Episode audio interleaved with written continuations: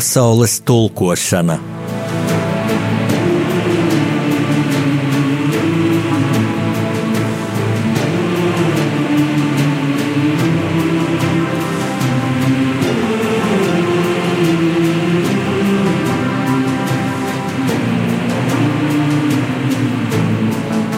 Studijā rakstnieks Jānis Udris.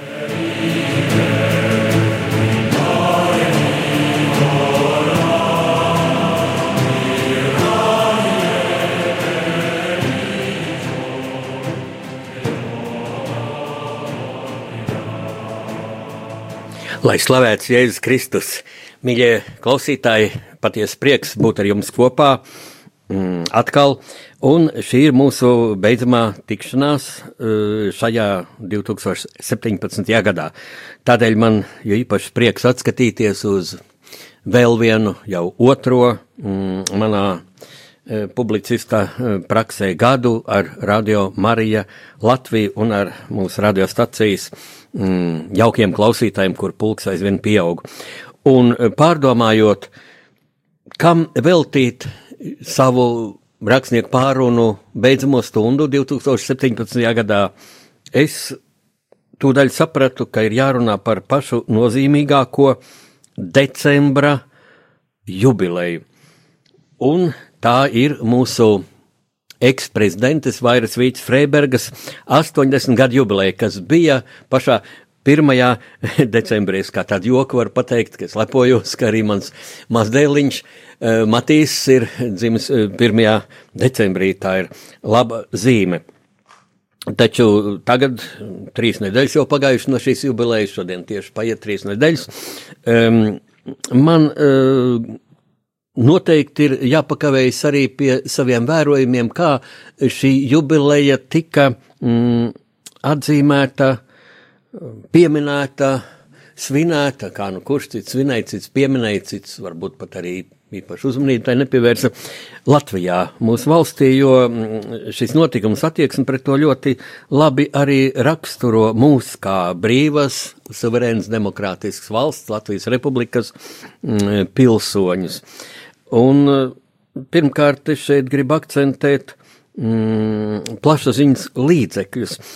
Viens, ka man bija aizkustinoši un patīkami vērot tādu lielu sirsnību, ko parādīja lielākie preses izdevumi, lielākie mm, televīzijas un radio kanāli.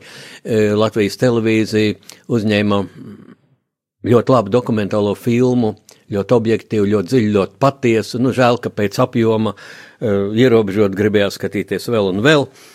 Filmu par Vairu Vīķu Freibergu.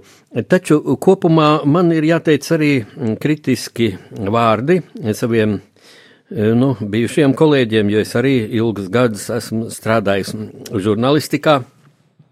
Tagad tikai pagājuši desmit gadi kopš esmu beidzis algot žurnālistu darbu. Uh, pēdējos šos uh, savu žurnālista mm, karjeras gadus, pusotra gada desmit, es strādāju mūsu valsts oficiālajā laikrakstā Latvijas vēstnesis, bija ār, ārpolitikas redaktors. Mm, un tieši lūk, šie gadi bija cieši saistīti ar Vairvīģu Freibergu, jo tie iekrita, nu, es biju ārpolitikas redaktors no 1993. līdz 2007. gadam. Un tā tad, lūk, pēdējie astoņi gadi bija, Lat, bija, bija Vairs Vīts Freibergs, divu prezidentūru laiks. Un e, nevienā mm, raidījumā vai rakstā es tā arī neatradu tādu patiešām vispusīgu Vairs Vīts Freibergas vēsturiskās lomas izvērtējumu. Uh, Nu, baidos, ka arī sev atvēlētajā laikā, nepilnā stundā, jo jūs gribēsiet arī kādus muzikālus, um, muzikālus brīžus šajā raidījumā. Mm, baidos, ka es nespēju dot tādu mm, pilnīgi izvērstu izvērtējumu, taču dažus momentus es gribu atzīmēt. Pirmkārt, es ar visu atbildības sajūtu, daudz domājot par to, gribu teikt, ka Vairvīķa Freiberga mūsu valsts 99 gadus ilgajā vēsturē ir bijusi pati spilgtākā valsts prezidente.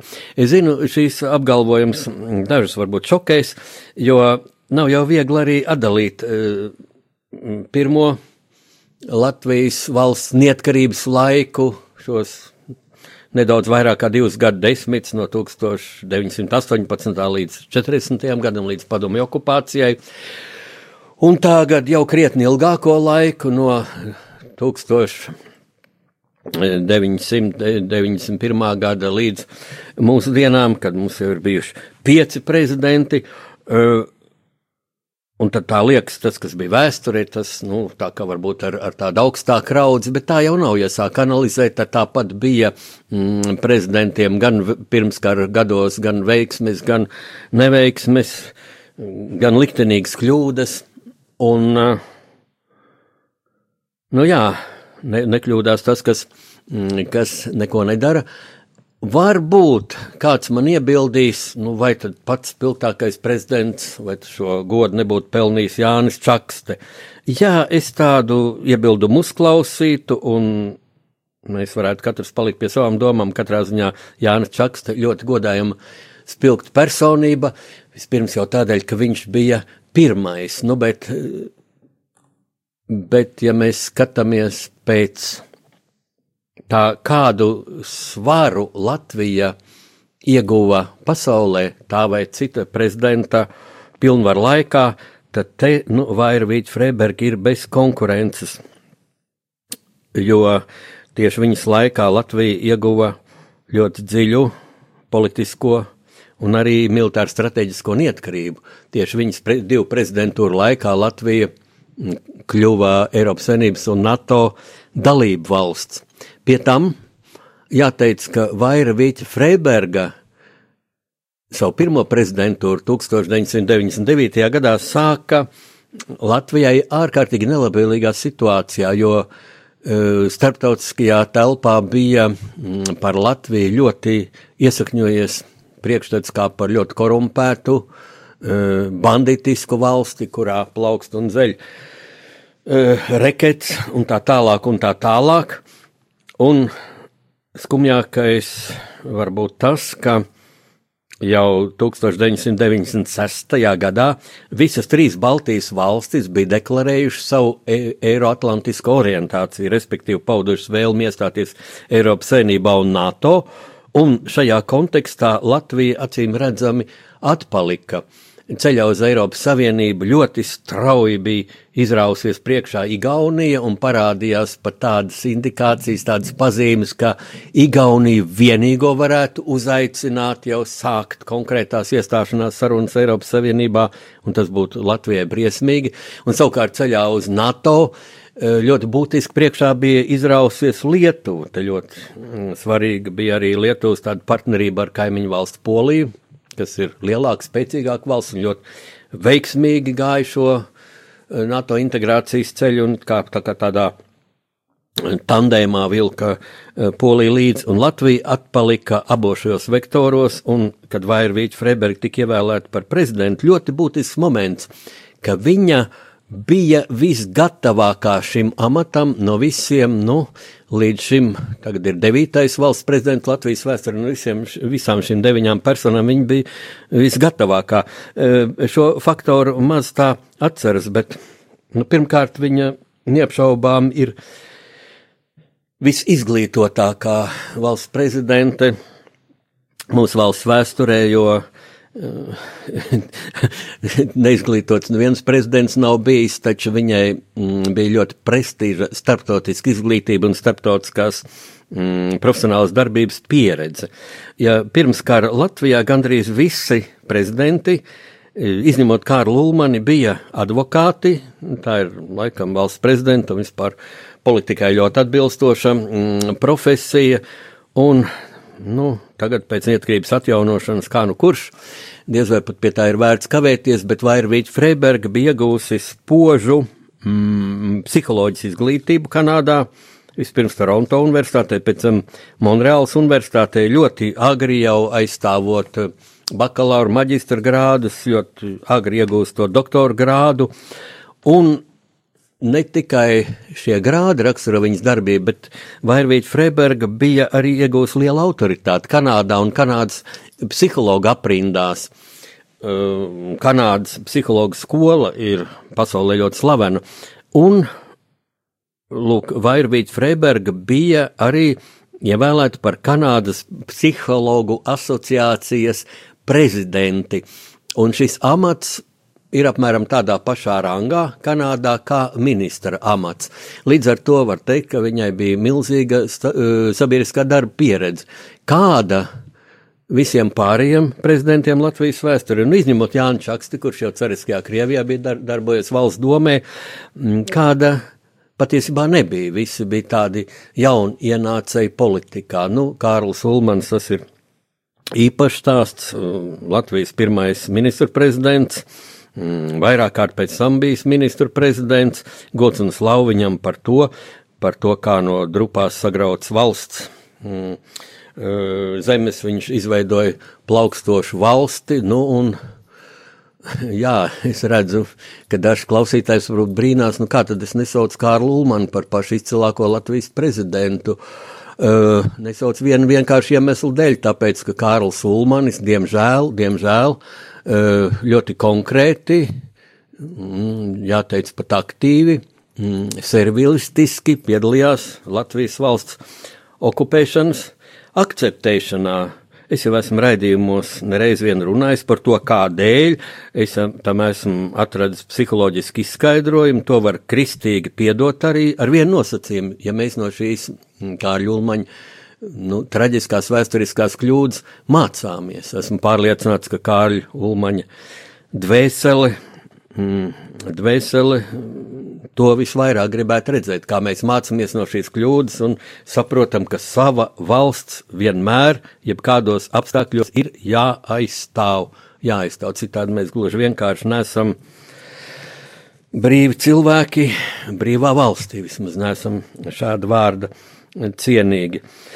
Nu, lūk, Vairas Vīts Freibergas pirmā rūpe, mm, kļūstot prezidentei, bija likvidēt, dzēst šo atpalīdzību no kaimiņu valstīm Lietuvas, Igaunijas, jo bija skaidrs ar viņu strateģisko, strateģiskās domāšanas talantu, ka daudz drošāk, ka visas trīs Baltijas valsts reizē iekļūs Eiropas Savienībā un arī NATO, kas bija tobrīd ļoti, ļoti apšaubāmi. Krievijas faktoru dēļ, ka mēs iekļūsim arī NATO. Atzīšos, es arī tā domāju, nu, Eiropas Savienībā ļoti ceru, ka būsim uh, NATO uh, diez vai. Jā, es tā klusībā domāju, bet neraugoties uz to, mums vajag deklarēt, deklarēt, deklarēt, mēs ejam uz NATO. Nu, un acīm redzot, mūsu šī griba bija tik spēcīga un ārpolitiskā darbība, pateicoties vairs Vīķes, Freibergs, kā prezidents mm, aktīvajai stājai, mudinot mūsu diplomāts, ārlietu ministriju uz aizvien jaunām, jaunām, jaunām sarunām ar NATO dalību valstīm, īpaši ar, ar vadošajām NATO dalību valstīm, ar Eiropas saimnības vadošajām valstīm, e, un vienlaikus ļoti kategoriski prasot, lai Latvijas ierēģi mm, maksimāli labi, apzinīgi mm, pilda šos Eiropas Savienības un NATO uzliktos mājas darbus, kā, kā to, to, to laiku nosauc. Nu, dažādi kritēriji izpildīšana, lai mēs atbilst šiem, šīm Eiropas Savienības un uh, NATO uh, prasībām. Uh, jāteic, ka Vairsvīts Freibergs darbība bija arī ļoti produktīva viena objektīva faktora dēļ. E, viņa Latvijas vēsturē ir visilgāk amatā bijusī prezidenta, proti divas kadences pa četriem gadiem, katreiz četriem gadiem, jo līdz Vairs Vīts Freibergs ievēlēšanai bija tā, ka valsts prezidents pie mums ievēlēja uz trim gadiem, Nu, un tad, ja nu viņš guva atbalstu pēc šiem trim gadiem, tad uz otro reizi, vairāk trešo reizi prezidents nevar tikt ievēlēts. Tā paredz satversmi. Nu, un kad Gunts Ulmanis bija mm, valsts prezidents, tad viņš lūk savas prezidentūras laikā ierosināja, ka vajadzētu palielināt uz četriem gadiem. Nu, tāpat kā mūsu saima darbojas četrus gadus, e, lai, lai kaut kā sinhronizētu šo, šo, šos periodus. E, bet pats Ulmans tātad bija valsts prezidents divreiz pa trim gadiem pēc tam Vaira, Vīķa Freiberga divreiz pa četriem gadiem, nu, un pēc tam jau nākamie trīs prezidenti Zatlers, Bērziņš. Nu, tagad Vējonis, redzēsim, kā viņam veiksies, bet viņi ir bijuši tikai vienu kadenci prezidenti. Nu, te tāda viela e, pārdomām, un tagad prasītos muzikāla pauze. Uz krustcelēm spēriņš rotaļājās, zem raktoriteņiem, zem pakaviem, zem celžu pēdām. Uz krustcelēm spēriņš rotaļājās, zem raktoriteņiem, zem pakaviem, zem celžu pēdām.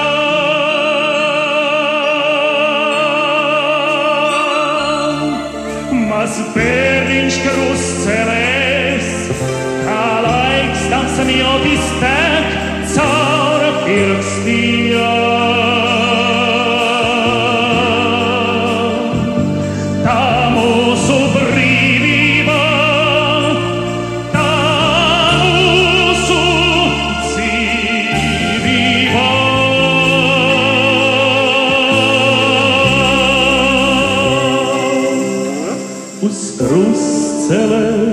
Bērniņš rotaļājās. Sirds man droša, jo kangas tavs draugs. Tā ka līdz šim būs vienmēr tev blakus. Uz krustelēm maz bērniņš rotaļājās. Sirds man droša, jo kangas tavs draugs.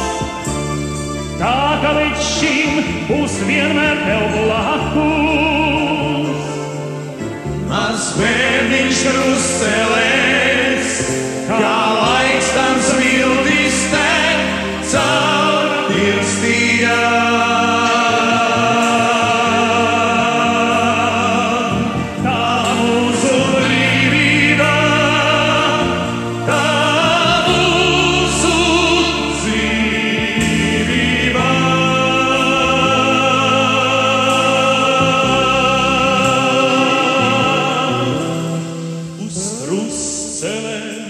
bērniņš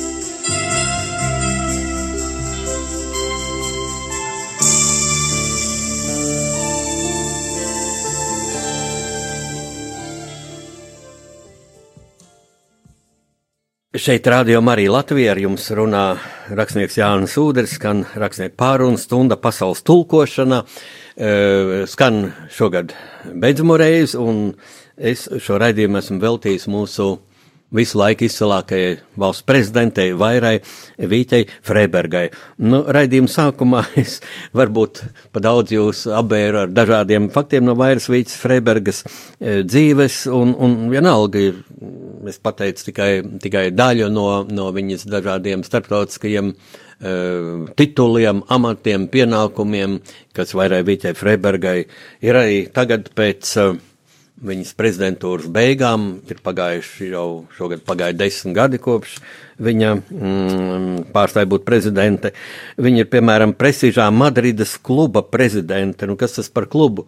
E, tā ir tāda starptautiska organizācija, ko, kurā ir apvienojušies pasaules mm, bijušie dažādu pasaules valstu e, līderi, prezidenti, ministru prezidenti, var būt pasaules redzamākie ekspolitiķi, bijušie politiķi, un, protams, kuru katru mm, šie cilvēki šādā amatā e, neievēlēs. Mm, šeit skaidri redzam, Vairs Vīts Freibergs, e, starptautiskā autoritāte.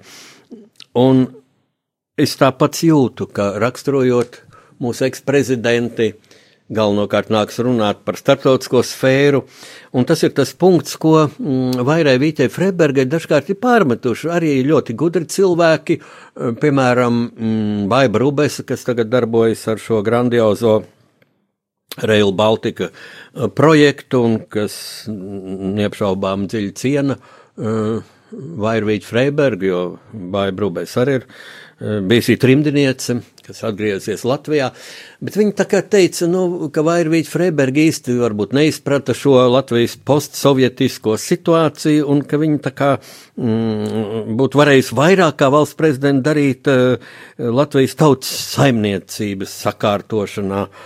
Nu, Daļai var piekrist, ka, protams, cilvēkam, kas audzis trimdā, bija grūti saprast šo postsovietisko situāciju. Un reiz vienā no savām nu, daudzajām intervijām, es tā paskaitīju, man bija ducis intervija, šajos astoņos gados ducis intervija ar Vairvīģu Freibergu. Pie tevis neuz tādas intervijas, kā, nu, uh, valsts vizītes laikā tur pieiet, nu, kā jums šī vizīte patīk, veiksmīgi, neveiksmīgi, tur kopā kādas trīs minūtes, ja?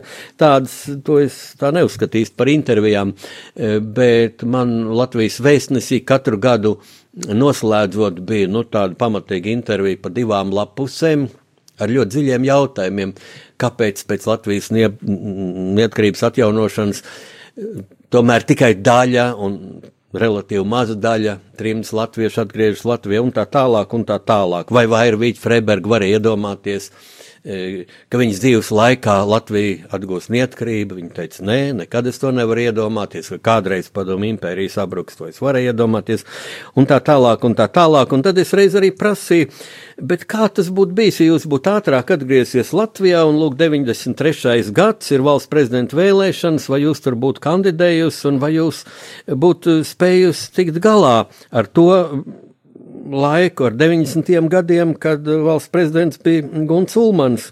Un uh, vairāk atbildēja, nē, nekādā ziņā nebūtu spējis tik galā, jo te, te vajadzēja cilvēku, kas ir vietējais, kas, kas labi ir iepazīstināts šo padomu birokrātijas sistēmu, šo padomu mentalitāti un tā tālāk. Un tā tālāk. Var būt ļoti veiksmīgi, ka tāds, ka tajā amatā bija cilvēks, kurš šīs lietas saprata, kā, kā Guns Ulmans arī arī pretrunīga politiska personība, kas ļoti daudz mm, kritizēts, pat noķēngāts interneta komentāros, bieži vien tas ir nepamatoti.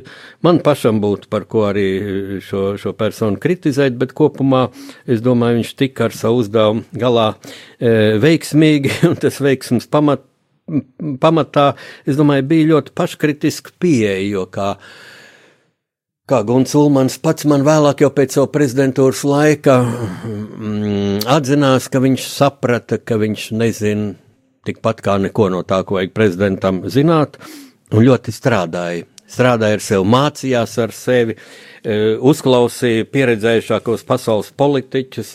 Kad mm, Latvijā viesojās Francijas prezidents Mitterāns, tad Guns Ulmans teica, es burtiski klausījos viņu kā students kā students profesoru un domās, kā bloknotā, kā piezīme bloknotā atzīmēja, ko Mitterāns man saka.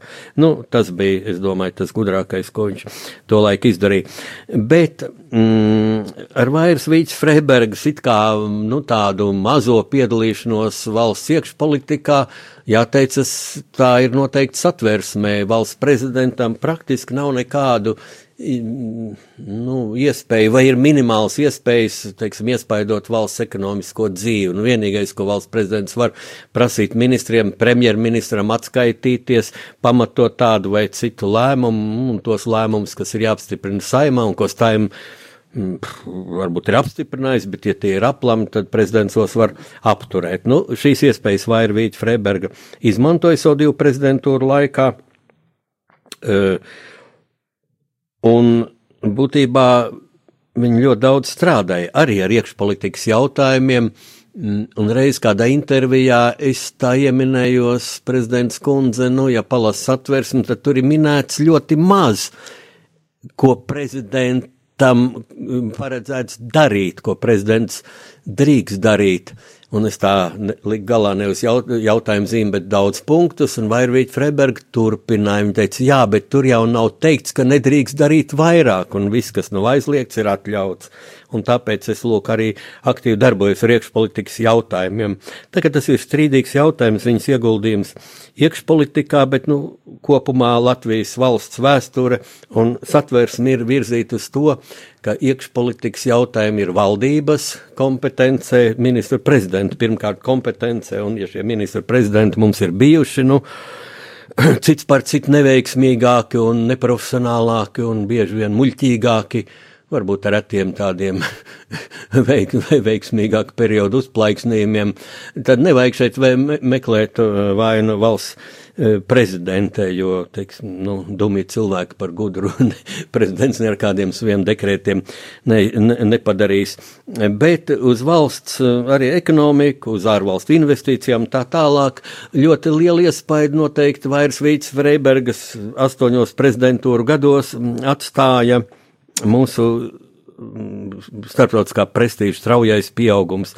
Un šeit es gribētu minēt tikai divus tādus momentus, ka pirmkārt, mm, 2005. gads. E, kaimiņu valsts Krievija ļoti plaši atzīmē šo savu ģeņpo bēdi, šo, šos uzvaru svētkus, tātad cik tur bija, tātad tā, tā, tā, tā, 60 gadu kopš, kā viņas teica, uzvaras lielajā tēvijas karā, nu, ar diezgan falsificētu vēsturi, mm, nevis 9. maijs, bet 8. maijs bija, mm, bija Hitleriskās Vācijas kapitulācijas diena un tā tālāk un tā tālāk, bet stāsts ir par to, ka Baltijas valstis, kā jau bija ierasts, kā jau prezidenti, tātad visi draudzīgā, draudzīgā trijotnē, līdz tam bija lēmuši nepieņemt Krievijas ielūgumus, lūk, šādām te svinībām. Tā pasvītrojot, ka mēs bijām okupētas valstis. Un lēmums ļoti pareizs kurš strīdēsies par to, kurš, teikt, saprātīgi domājuši cilvēki strīdēsies, ka līdz tam tā bija pareizi. Līdz parādījās, lūk, tāda spēcīga personība, kā Vairvīķa Freiberga, kura saziņā ar saviem lietuviešu igauņu kolēģiem ierosināja citu variantu, un to arī izdarīja. Lūk, kad prezidents Putins aicināja Vairvīķu Freibergu uz, uz mm, šīm svinībām Maskavā, viņa Uzaicinājumu pieņēma diezgan atturīgos toņos, atbildot Putinam, un vienlaikus izsūtīja rietumu valstu prezidentiem draudzīgu vēstuli, kurā izskaidro šo savu lēmumu. Es braukšu uz Maskavu, lai atgādinātu gan Krievijas prezidentam, gan visai pasaulē, ka Padomjas Savienība bija okupējusi trīs Baltijas valstis. Un tas burtiski, nu, ja šahas salīdzināt ar šahu spēli, tad tas bija gan šahs, gan mats prezidentam Putinam. Ielūgumu viņš vairāk nevarēja atsaukt. Rietumu valstis šo vairs Vīts Freibergas uh, taktisko mm, lēmumu uzņēma ar acīm redzamu sajūsmu, un prezidents Bušs, Amerikas toreizējais prezidents, pat izdarīja tādu, tādu žestu, ka pa ceļam uz Maskavu, lidojot uz Maskavu, viņš vispirms mm, apstājās Rīgā, pāris dienas bija šeit, mm, un tad lidoja uz Maskavu, pasvītrot Amerikas draudzīgo attieksmi ar Latviju. Un Es arī biju Maskavā komandējumā no Latvijas vēstneša, atspoguļot šo mm, vairs Vīķis Freibergs uzturēšanos Maskavā, un es nu ties pa lielu gabalu gan redzēju, kā Kremlī tur pie vārtiem Putins sagaida šos ārvalstu viesus, un nu tā, pēc tam kino kadros, protams, redzēju tuvāk, kāda viņam bija sejas izteiksme, sarokojoties ar vairu Vīķu Freibergu kur eh, piegāja Imants Freibergs savu vīru pavadībā un nu, laipni tur kādas pieklājības frāzes pateica prezidentam eh, Putinam. Tas bija viens, un tad ļoti spoža epizode bija mm, tā paša gada rudenī, kad apvienotā nācija organizācija svinēja savu pusgadsimtu jubileju Ņujorkā. Atvainojiet, 60 gadu jubileju. Un tur svinīgajās vakariņās ANO toreizējais ģenerālsekretārs Kofi Anans, tātad pie sava galda, bija uzaicinājis pa labi no sevis Amerikas prezidentu Bušu. Nu, tas ir loģiski, jo ANO mītne atrodas Amerikā un Bušs savā ziņā tā kā tāds namatēvs, nu, un, protams, pasaules ietekmīgākā valsts ir Amerika. Un sev pie otras rokas, kreisajā pusē, pie kreisās rokas viņš bija līdz rezervēt vietu Latvijas prezidentei Vairai Vītei Freibergai.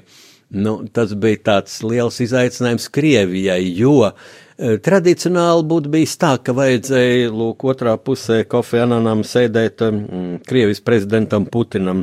Putinam arī bija vieta ANO ģenerālsekretāra tūmā, taču nevis blakus e, Kofi Ananam, e, bet blakus vairai Vīķei Freibergai. Nu, tur arī tad vajadzēja redzēt, es kino kadros redzēju šo Vladimira Putina seju.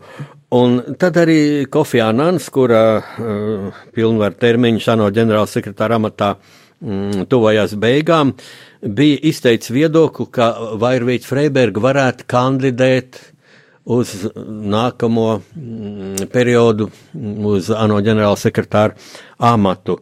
Vairvīķa Freiberga tam principā piekrita un viņu izvirzīja uh, visas trīs Baltijas valstis, Latvija, Lietuva, Igaunija, uz šo ģenerāla sekretāra amatu, un 2006. gadā notika vēlēšanas, un tas ir tas moments, kas Latvijā ir ļoti aplami atspoguļots līdz šim, un te nu ir uh, ļoti liels akmens jāmet mūsu plašsaziņas līdzekļu, ja mēdīju, kā tagad sakam, dārziņā, ka cilvēkiem nav izskaidrots šis Latvijas solis un vairs Vīķis Freibergs solis, un tu parādās par tādi, nu, Mm, absurdi, nu, dumji, lai neteikt spēcīgāk, dumji apgalvojumi, ka viņi lūk esot uh, izgāzušies šajās vēlēš, vēlēšanās un tā tālāk.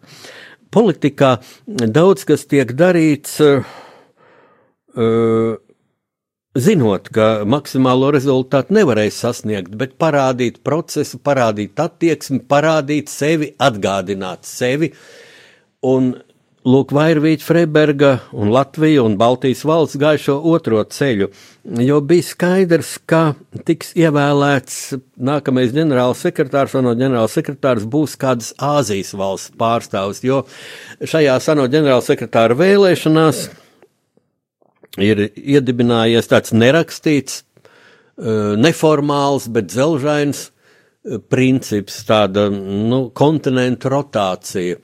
Un iznāca tā, ka, lūk, pirms tam Kofi Anāns bija Āfrikas kontinentu pārstāvs, un tagad bija kārta Āzijas valsts kādam pārstāvim. Un, bet nu, vēlēšanas formāli notika. Mm, Vaira Vīķa Freiberga šajās vēlēšanās iegūta trešo rezultātu, uh, kas ir ļoti daudz. Un, uh, Pret viņas kandidatūru balsoja divas ANO drošības padomas pastāvīgās loceklis, Krievija un, un Ķīna. Mm, un tas jau viss bija priekš paredzams. Tad kādēļ, lūk, Vairvīķa Freiberga spēra šo soli un kāpēc trīs Baltijas valsts viņa deleģēja? Gluži vienkārši, lai paaugstināt Baltijas valstu prestižu, piedalīties ANO, ANO ģenerāla sekretāra vēlēšanās un piedalīties, nu, faktiski tik spoži, tik spilgt per, prezentējot savu personību. Lūk, tas bija šis lielais sasniegums. Nu, tagad atkal brīdis muzikai.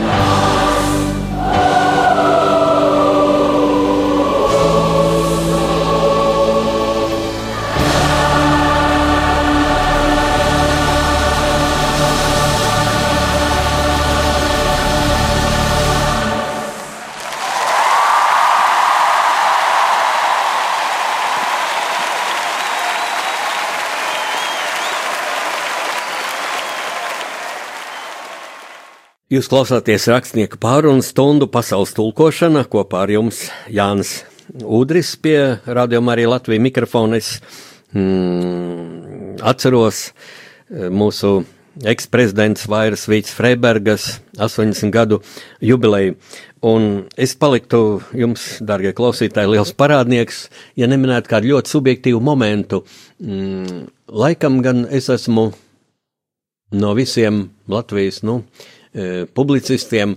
Tas, kurš visagrāk mm, tikās ar Vairvītu Freibergu, tas bija krietni pirms viņas ievēlēšanas par valsts prezidentu, tas bija vēl padomju okupācijas laikā, ja Vairvīta Freiberga bija tik spēcīga mm, e, savu zinātnes pārstāve un tik ļoti mīlēja savu, savu zemi, savu tautu, uh, un arī progresīvos uzskatos, mm, ka viņa arī pārvarēja šos aizspriedumus un vēl padomju okupācijas laikā nereiz vien atbrauca uz Latviju mm, ciemos ar savu vīru, ar saviem bērniem. Pie viņas ciemojās Latvijas kultūras darbinieki, man Ziedons, Raimonds Pauls, Mārs Čaklais un tā tālāk un tā tālāk. Viņi arī piedalījās mūsu kinofilmu izrāžu, kinofilmu demonstrēšanā Es atceros, Amerikā, rādīja filmu Putvēņa, puika, tur vēl kādas filmas. E, un, mm, lūk, 87. gada 1. decembrī, tātad savu 50 gadu jubileju, Vaira Vīķe Freiberga pavadīja Rīgā.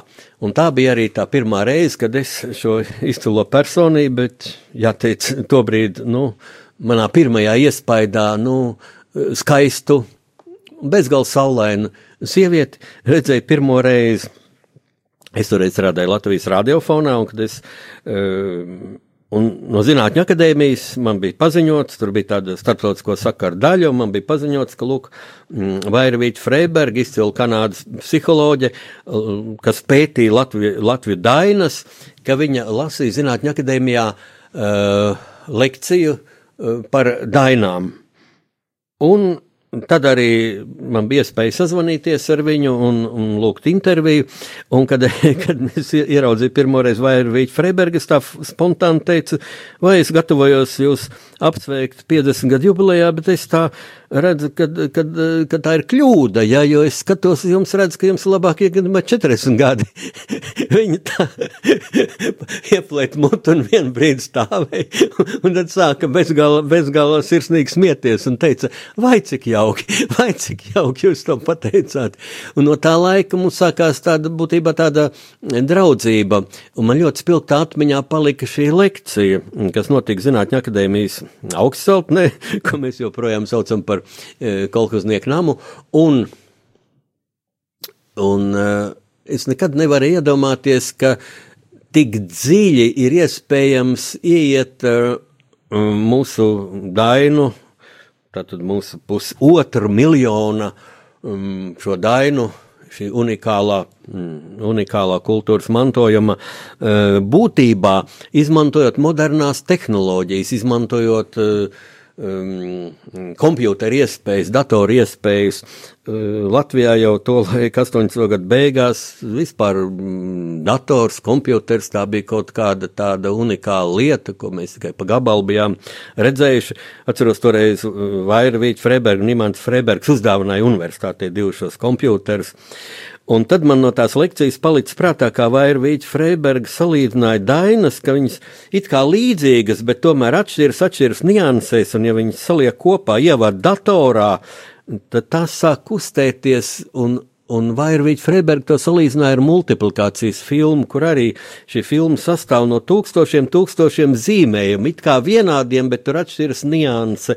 Roka vai kāja ir par kādu milimetru katrā nākamajā kadrā savādākā pozīcijā, un tad rodas šī kustība. Un lūk, arī šīs dainas lielā skaitā sakārtotas, savirknētas pēc loģikas principiem, pēc dialektikas principiem, viņas rada kustību, kas atspoguļo saules saules ritējumu un atspoguļo cilvēka dzīvi, atspoguļo visu mm, universu pastāvēšanu. Un tad pagāja gads, 88. gads, kas bija ārkārtīgi svarīgiem notikumiem piesātināts. Tur bija gan um, radošo savienību plēnums jūnijas sākumā, gan tautas frontes dibināšana um, oktobrī. Lūk, atkal gada beigās ieradās uh, Latvijā Vairvīķa Freiberga un ieradās uz eposa Lāčplēses simts gadu jubileju. Un šai jubilejai bija veltīta zinātniskas konferences, kas notika Dailas teātrī. Un man ļoti spilgti iespiedās prātā vairs Vīts Freibergas vārdi, būtībā tāds dvēseles kliedziens, bet ar bezgalu optimistisku skanējumu viņi sāka manas mīļās māsas un brāļi, manas, man, manas mīļās māsītes, mīļie brālēni, mīļie tautieši, uzklausiet mani un lūdzu atcerieties, ko es jums teikšu. Latvija ir liela notikuma priekšā. Es atgādināšu jums, ka tas bija padomju okupācijas laiks, un vajadzēja runāt tā sauktajā eizopu valodā. Lietas vēl nevarēja saukt īstajos vārdos, jo Vairvīķa Freiberga ļoti spoži arī juta to laiku. Jāiet soli pa solim, lūk, tā kā šajās dainās, kā šajās multiplikācijas filmās, soli pa solim, lai rastos kustība, lai būtu rezultāts. Un viņa teica, Dieva dēļ atcerieties, kad Lāčplēs, kurš paļāvās uz savām lāča ausīm, uz savu spēku, vēl neguva uzvaru. Viņš vēl tikai celsies augšā, viņš vēl pagaidām ir kritis dzelmē ar melno bruņinieku kopā. Mums jāpaļaujas uz spīdolas gudrību. Lūk, šie vārdi dziļi sēž manā sirdī Ar tiem arī es gribu beigt šogad beidzamo rakstnieku pārunu stundu pasaules tulkošanu.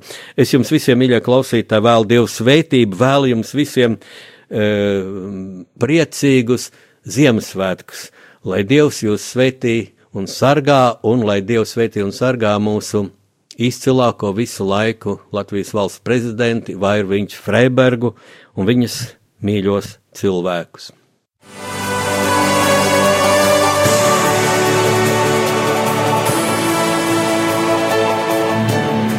Pasaules tulkošana